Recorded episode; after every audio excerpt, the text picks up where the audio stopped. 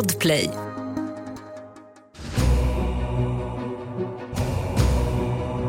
Krig, svält, farsoter, katastrofer och mord. Sveriges historia är full av hemskheter. Vissa händelser känner vi till medan andra fallit i glömska trots att de har haft en stor inverkan på vårt landskap, politik eller människorna.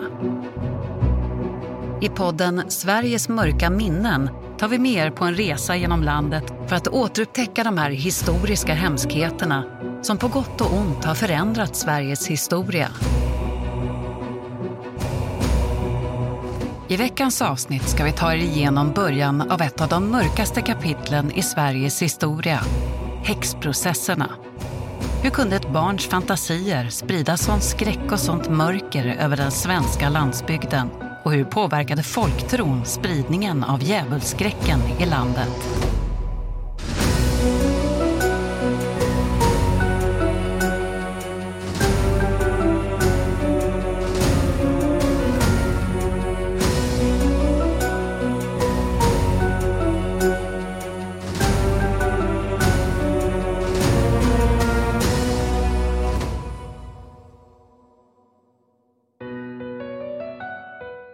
1600-talets Sverige.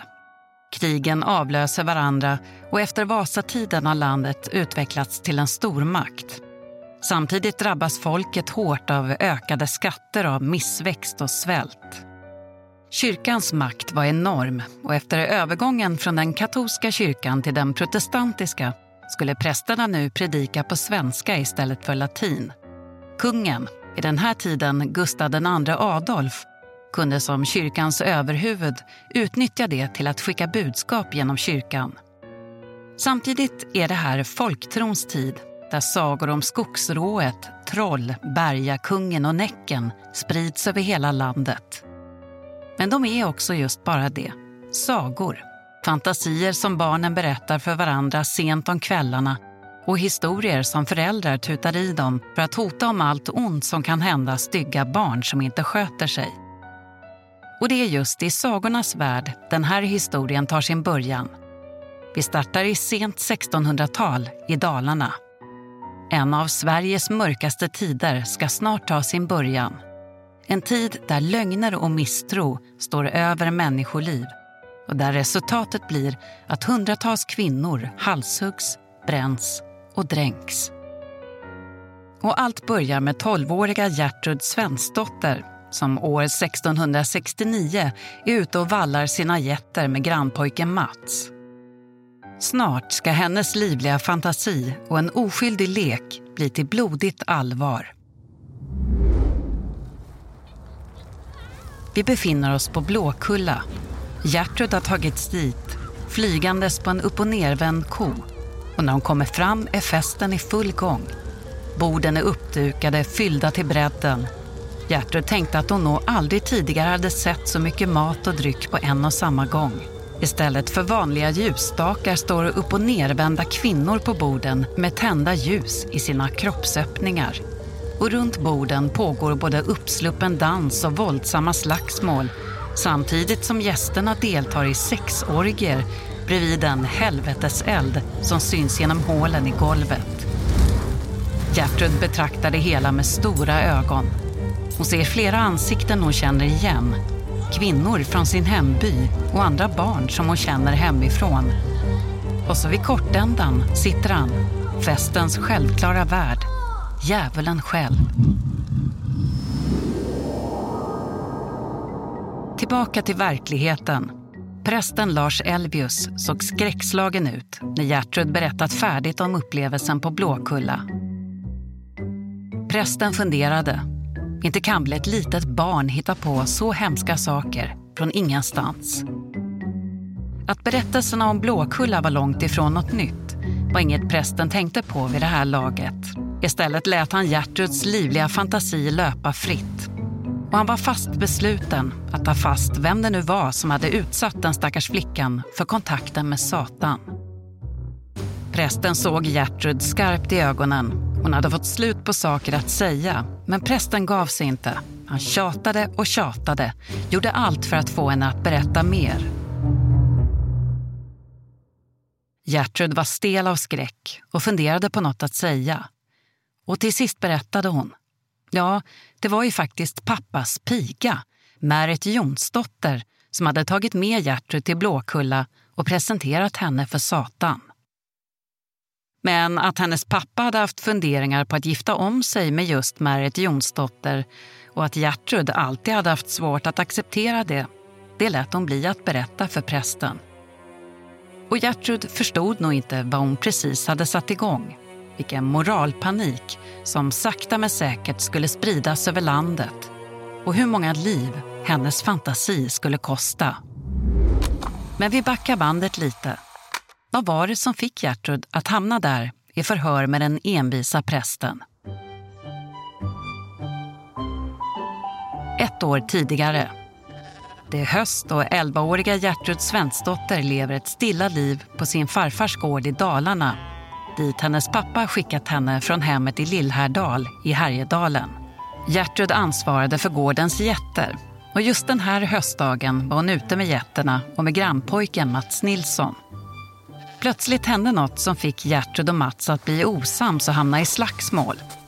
Efter en stunds kamp slog Gertrud till Mats hårt och han föll till marken. Skamsen och arg över att ha blivit slagen av Gertrud gick Mats sen hem.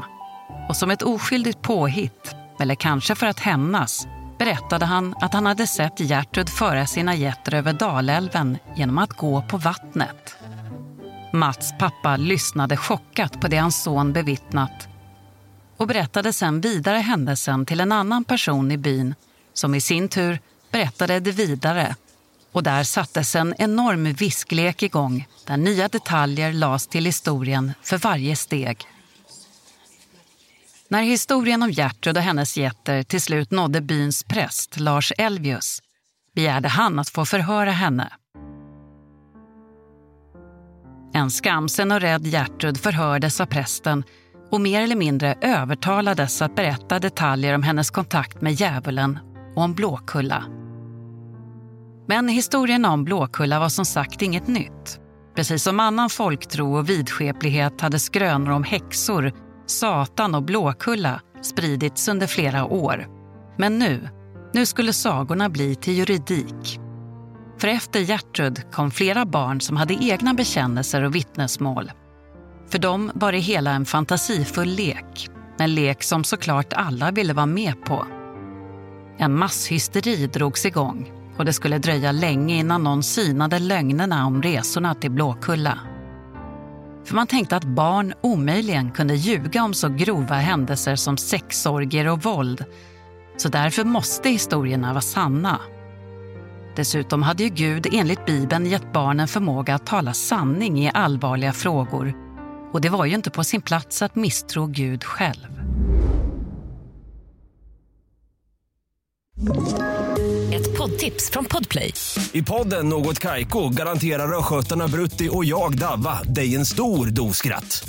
Där följer jag pladask för köttätandet igen. Man är lite som en jävla vampyr. Man har fått lite blodsmak och då måste man ha mer.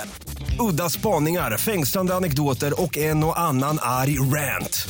Jag måste ha mitt kaffe på morgonen för annars är jag ingen trevlig människa. Då är du ingen trevlig människa, punkt. Något Kaiko, hör du på Podplay. Därför är gardinerna. Tillbaka till pigan Märet Jonsdotter. Efter Gertruds anklagelse kallades Märet till rätten och uppmanades där erkänna sin koppling till Satan. Och just erkännandet var viktigt. Det ansågs nämligen olämpligt att avrätta häxor som inte hade erkänt eftersom hon då skulle stanna kvar på jorden som ett spöke och hemsöka sin omgivning. Och att det skulle hända, det var det såklart ingen som ville. Enligt prästerna var erkännandet och själva avrättningen också ett sätt för de häxanklagade att rädda sig själva, trots sina synder och sin koppling till djävulen. Om man bara erkände skulle man ta sig till himlen ändå. Men erkännandet var också såklart en biljett direkt till döden. Evigt liv och kyrkans förlåtelse var lockande. De allra flesta efter henne gav upp och erkände direkt, men inte Märit Jonsdotter. Hon var fast i en mardröm där hela bygden, inklusive hennes egen familj, vände sig emot henne. Men hon vek sig ändå inte. Märet anklagade istället Gertrud för att ljuga och hitta på. Men på samma sätt som Märet inte vek sig stod också Gertrud fast vid sin berättelse. Gertrud hade vid det här laget dessutom anklagat sju andra kvinnor i byn för samma sak. Märet mötte Gertruds blick i rätten. Hon såg på henne med förakt. Den lilla flickan på gården som hade svikit henne på det mest otänkbara sätt. Prästen och Märets familj fortsatte att försöka få henne att erkänna, men Märet vägrade. Om det nu var som Gertrud säger, varför har jag då själv inget minne av det här? Ingen kunde ge Märet ett rimligt svar. Hon fortsatte att stå på sig. I väntan på ett erkännande fängslades Märet. Hon började känna sig förtvivlad. Ingenting hon sa gjorde någon skillnad. Gertrud hade med sin berättelse bestämt hennes öde. En tidig morgon fördes Märet till avrättningsplatsen trots att hon ännu inte erkänt sitt brott. Planen var att låtsas att det var dags att genomföra dödsstraffet ändå och på så sätt få henne att i sista stund erkänna brottet. Men inte ens då, iförd ögonbindel på knä bredvid böden, vek Märet en tum. Hon var oskyldig. Och det hände faktiskt det som hon hade slutat hoppas på. Märet skonades och togs istället tillbaka till fängelset. Man gav helt enkelt upp med försöken att få henne att erkänna. Men här var hysterin redan igång och efter Märet anklagades 60 kvinnor för häxkonst. I de första rättegångarna efter den mot Märet avrättades 14 personer i häxprocesserna i Mora. Lilla Gertrud slapp som utlovat dödsstraff eftersom hon hjälpte prästerna genom att peka ut Märet och andra häxor. Och Märet överlevde flera år i fängelse. Men hon hade en sak som inte var till hennes fördel och som skulle komma att bli hennes fall. På vänster lillfinger hade hon ett ärr från en tidigare skada det här användes som bevis på att hon hade haft kontakt med djävulen. Man ansåg nämligen att djävulen lämnade just sådana märken efter sig. Det här märket och det faktum att Märets fall fortsatte att dyka upp och myndigheterna förmodligen hade tröttnat på henne gjorde att hon, 28 år gammal, i april 1672 dömdes till döden trots sitt ständiga nekande. Och så gick det till när Gertruds första oskyldiga vittnesmål till slut ledde Märet till att halshuggas och brännas på bål.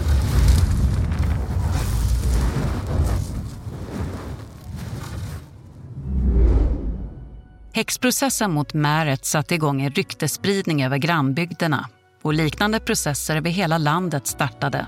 De tycktes aldrig ta slut Vittnesmålen kom nästan uteslutande från barn som, precis som Gertrud, sa sig ha blivit bortförda av häxor till djävulen på Blåkulla. Och liksom Gertrud förstod nog inte barnvittnena alltid vad de gjorde vilka förödande konsekvenser deras lögner hade. Även när de förstod det så hade leken redan spårat ur. Det gick inte längre att kontrollera. Det här, som man brukar kalla det stora oväsendet, pågick under åtta år från 1668 till 1676. Och det är än idag inte helt klart hur många personer som miste livet i häxprocesserna. Ett tag fanns det så många fall så att man tvingades att sätta in en specialdomstol, Kungliga trolldomskommissionen. Trolldomskommissionen försökte efter några år att stoppa häxprocesserna. De menade att avrättningarna redan hade spridit tillräckligt med skräck och att ondskan i landet var fördriven. Men det skulle alltså dröja till 1676 innan Trolldomskommissionen fastställde att häxeriet i landet officiellt var borta.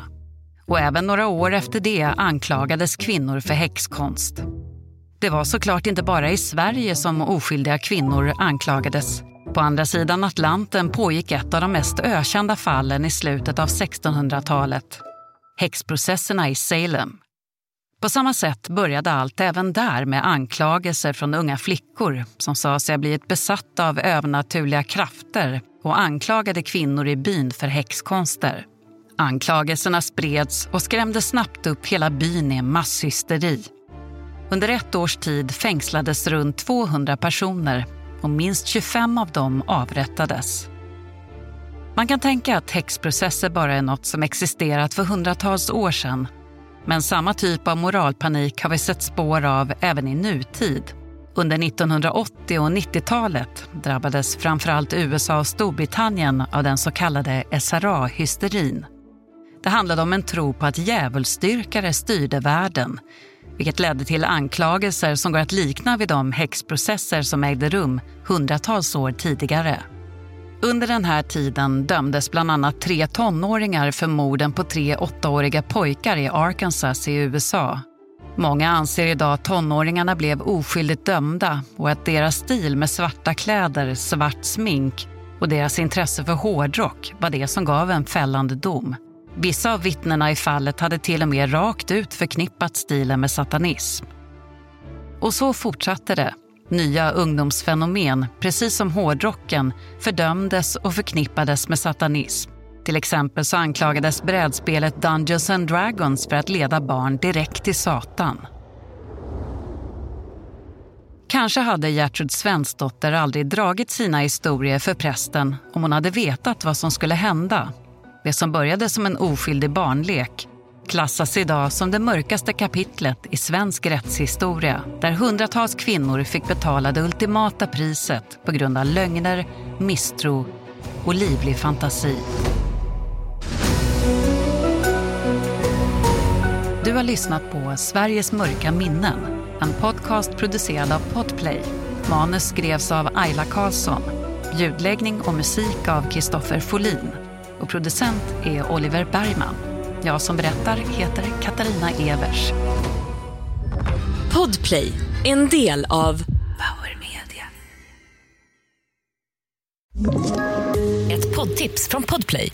I podden Något Kaiko garanterar östgötarna Brutti och jag, Davva, dig en stor dos skratt.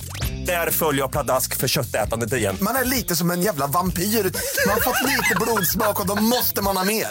Udda spaningar, fängslande anekdoter och en och annan arg rant.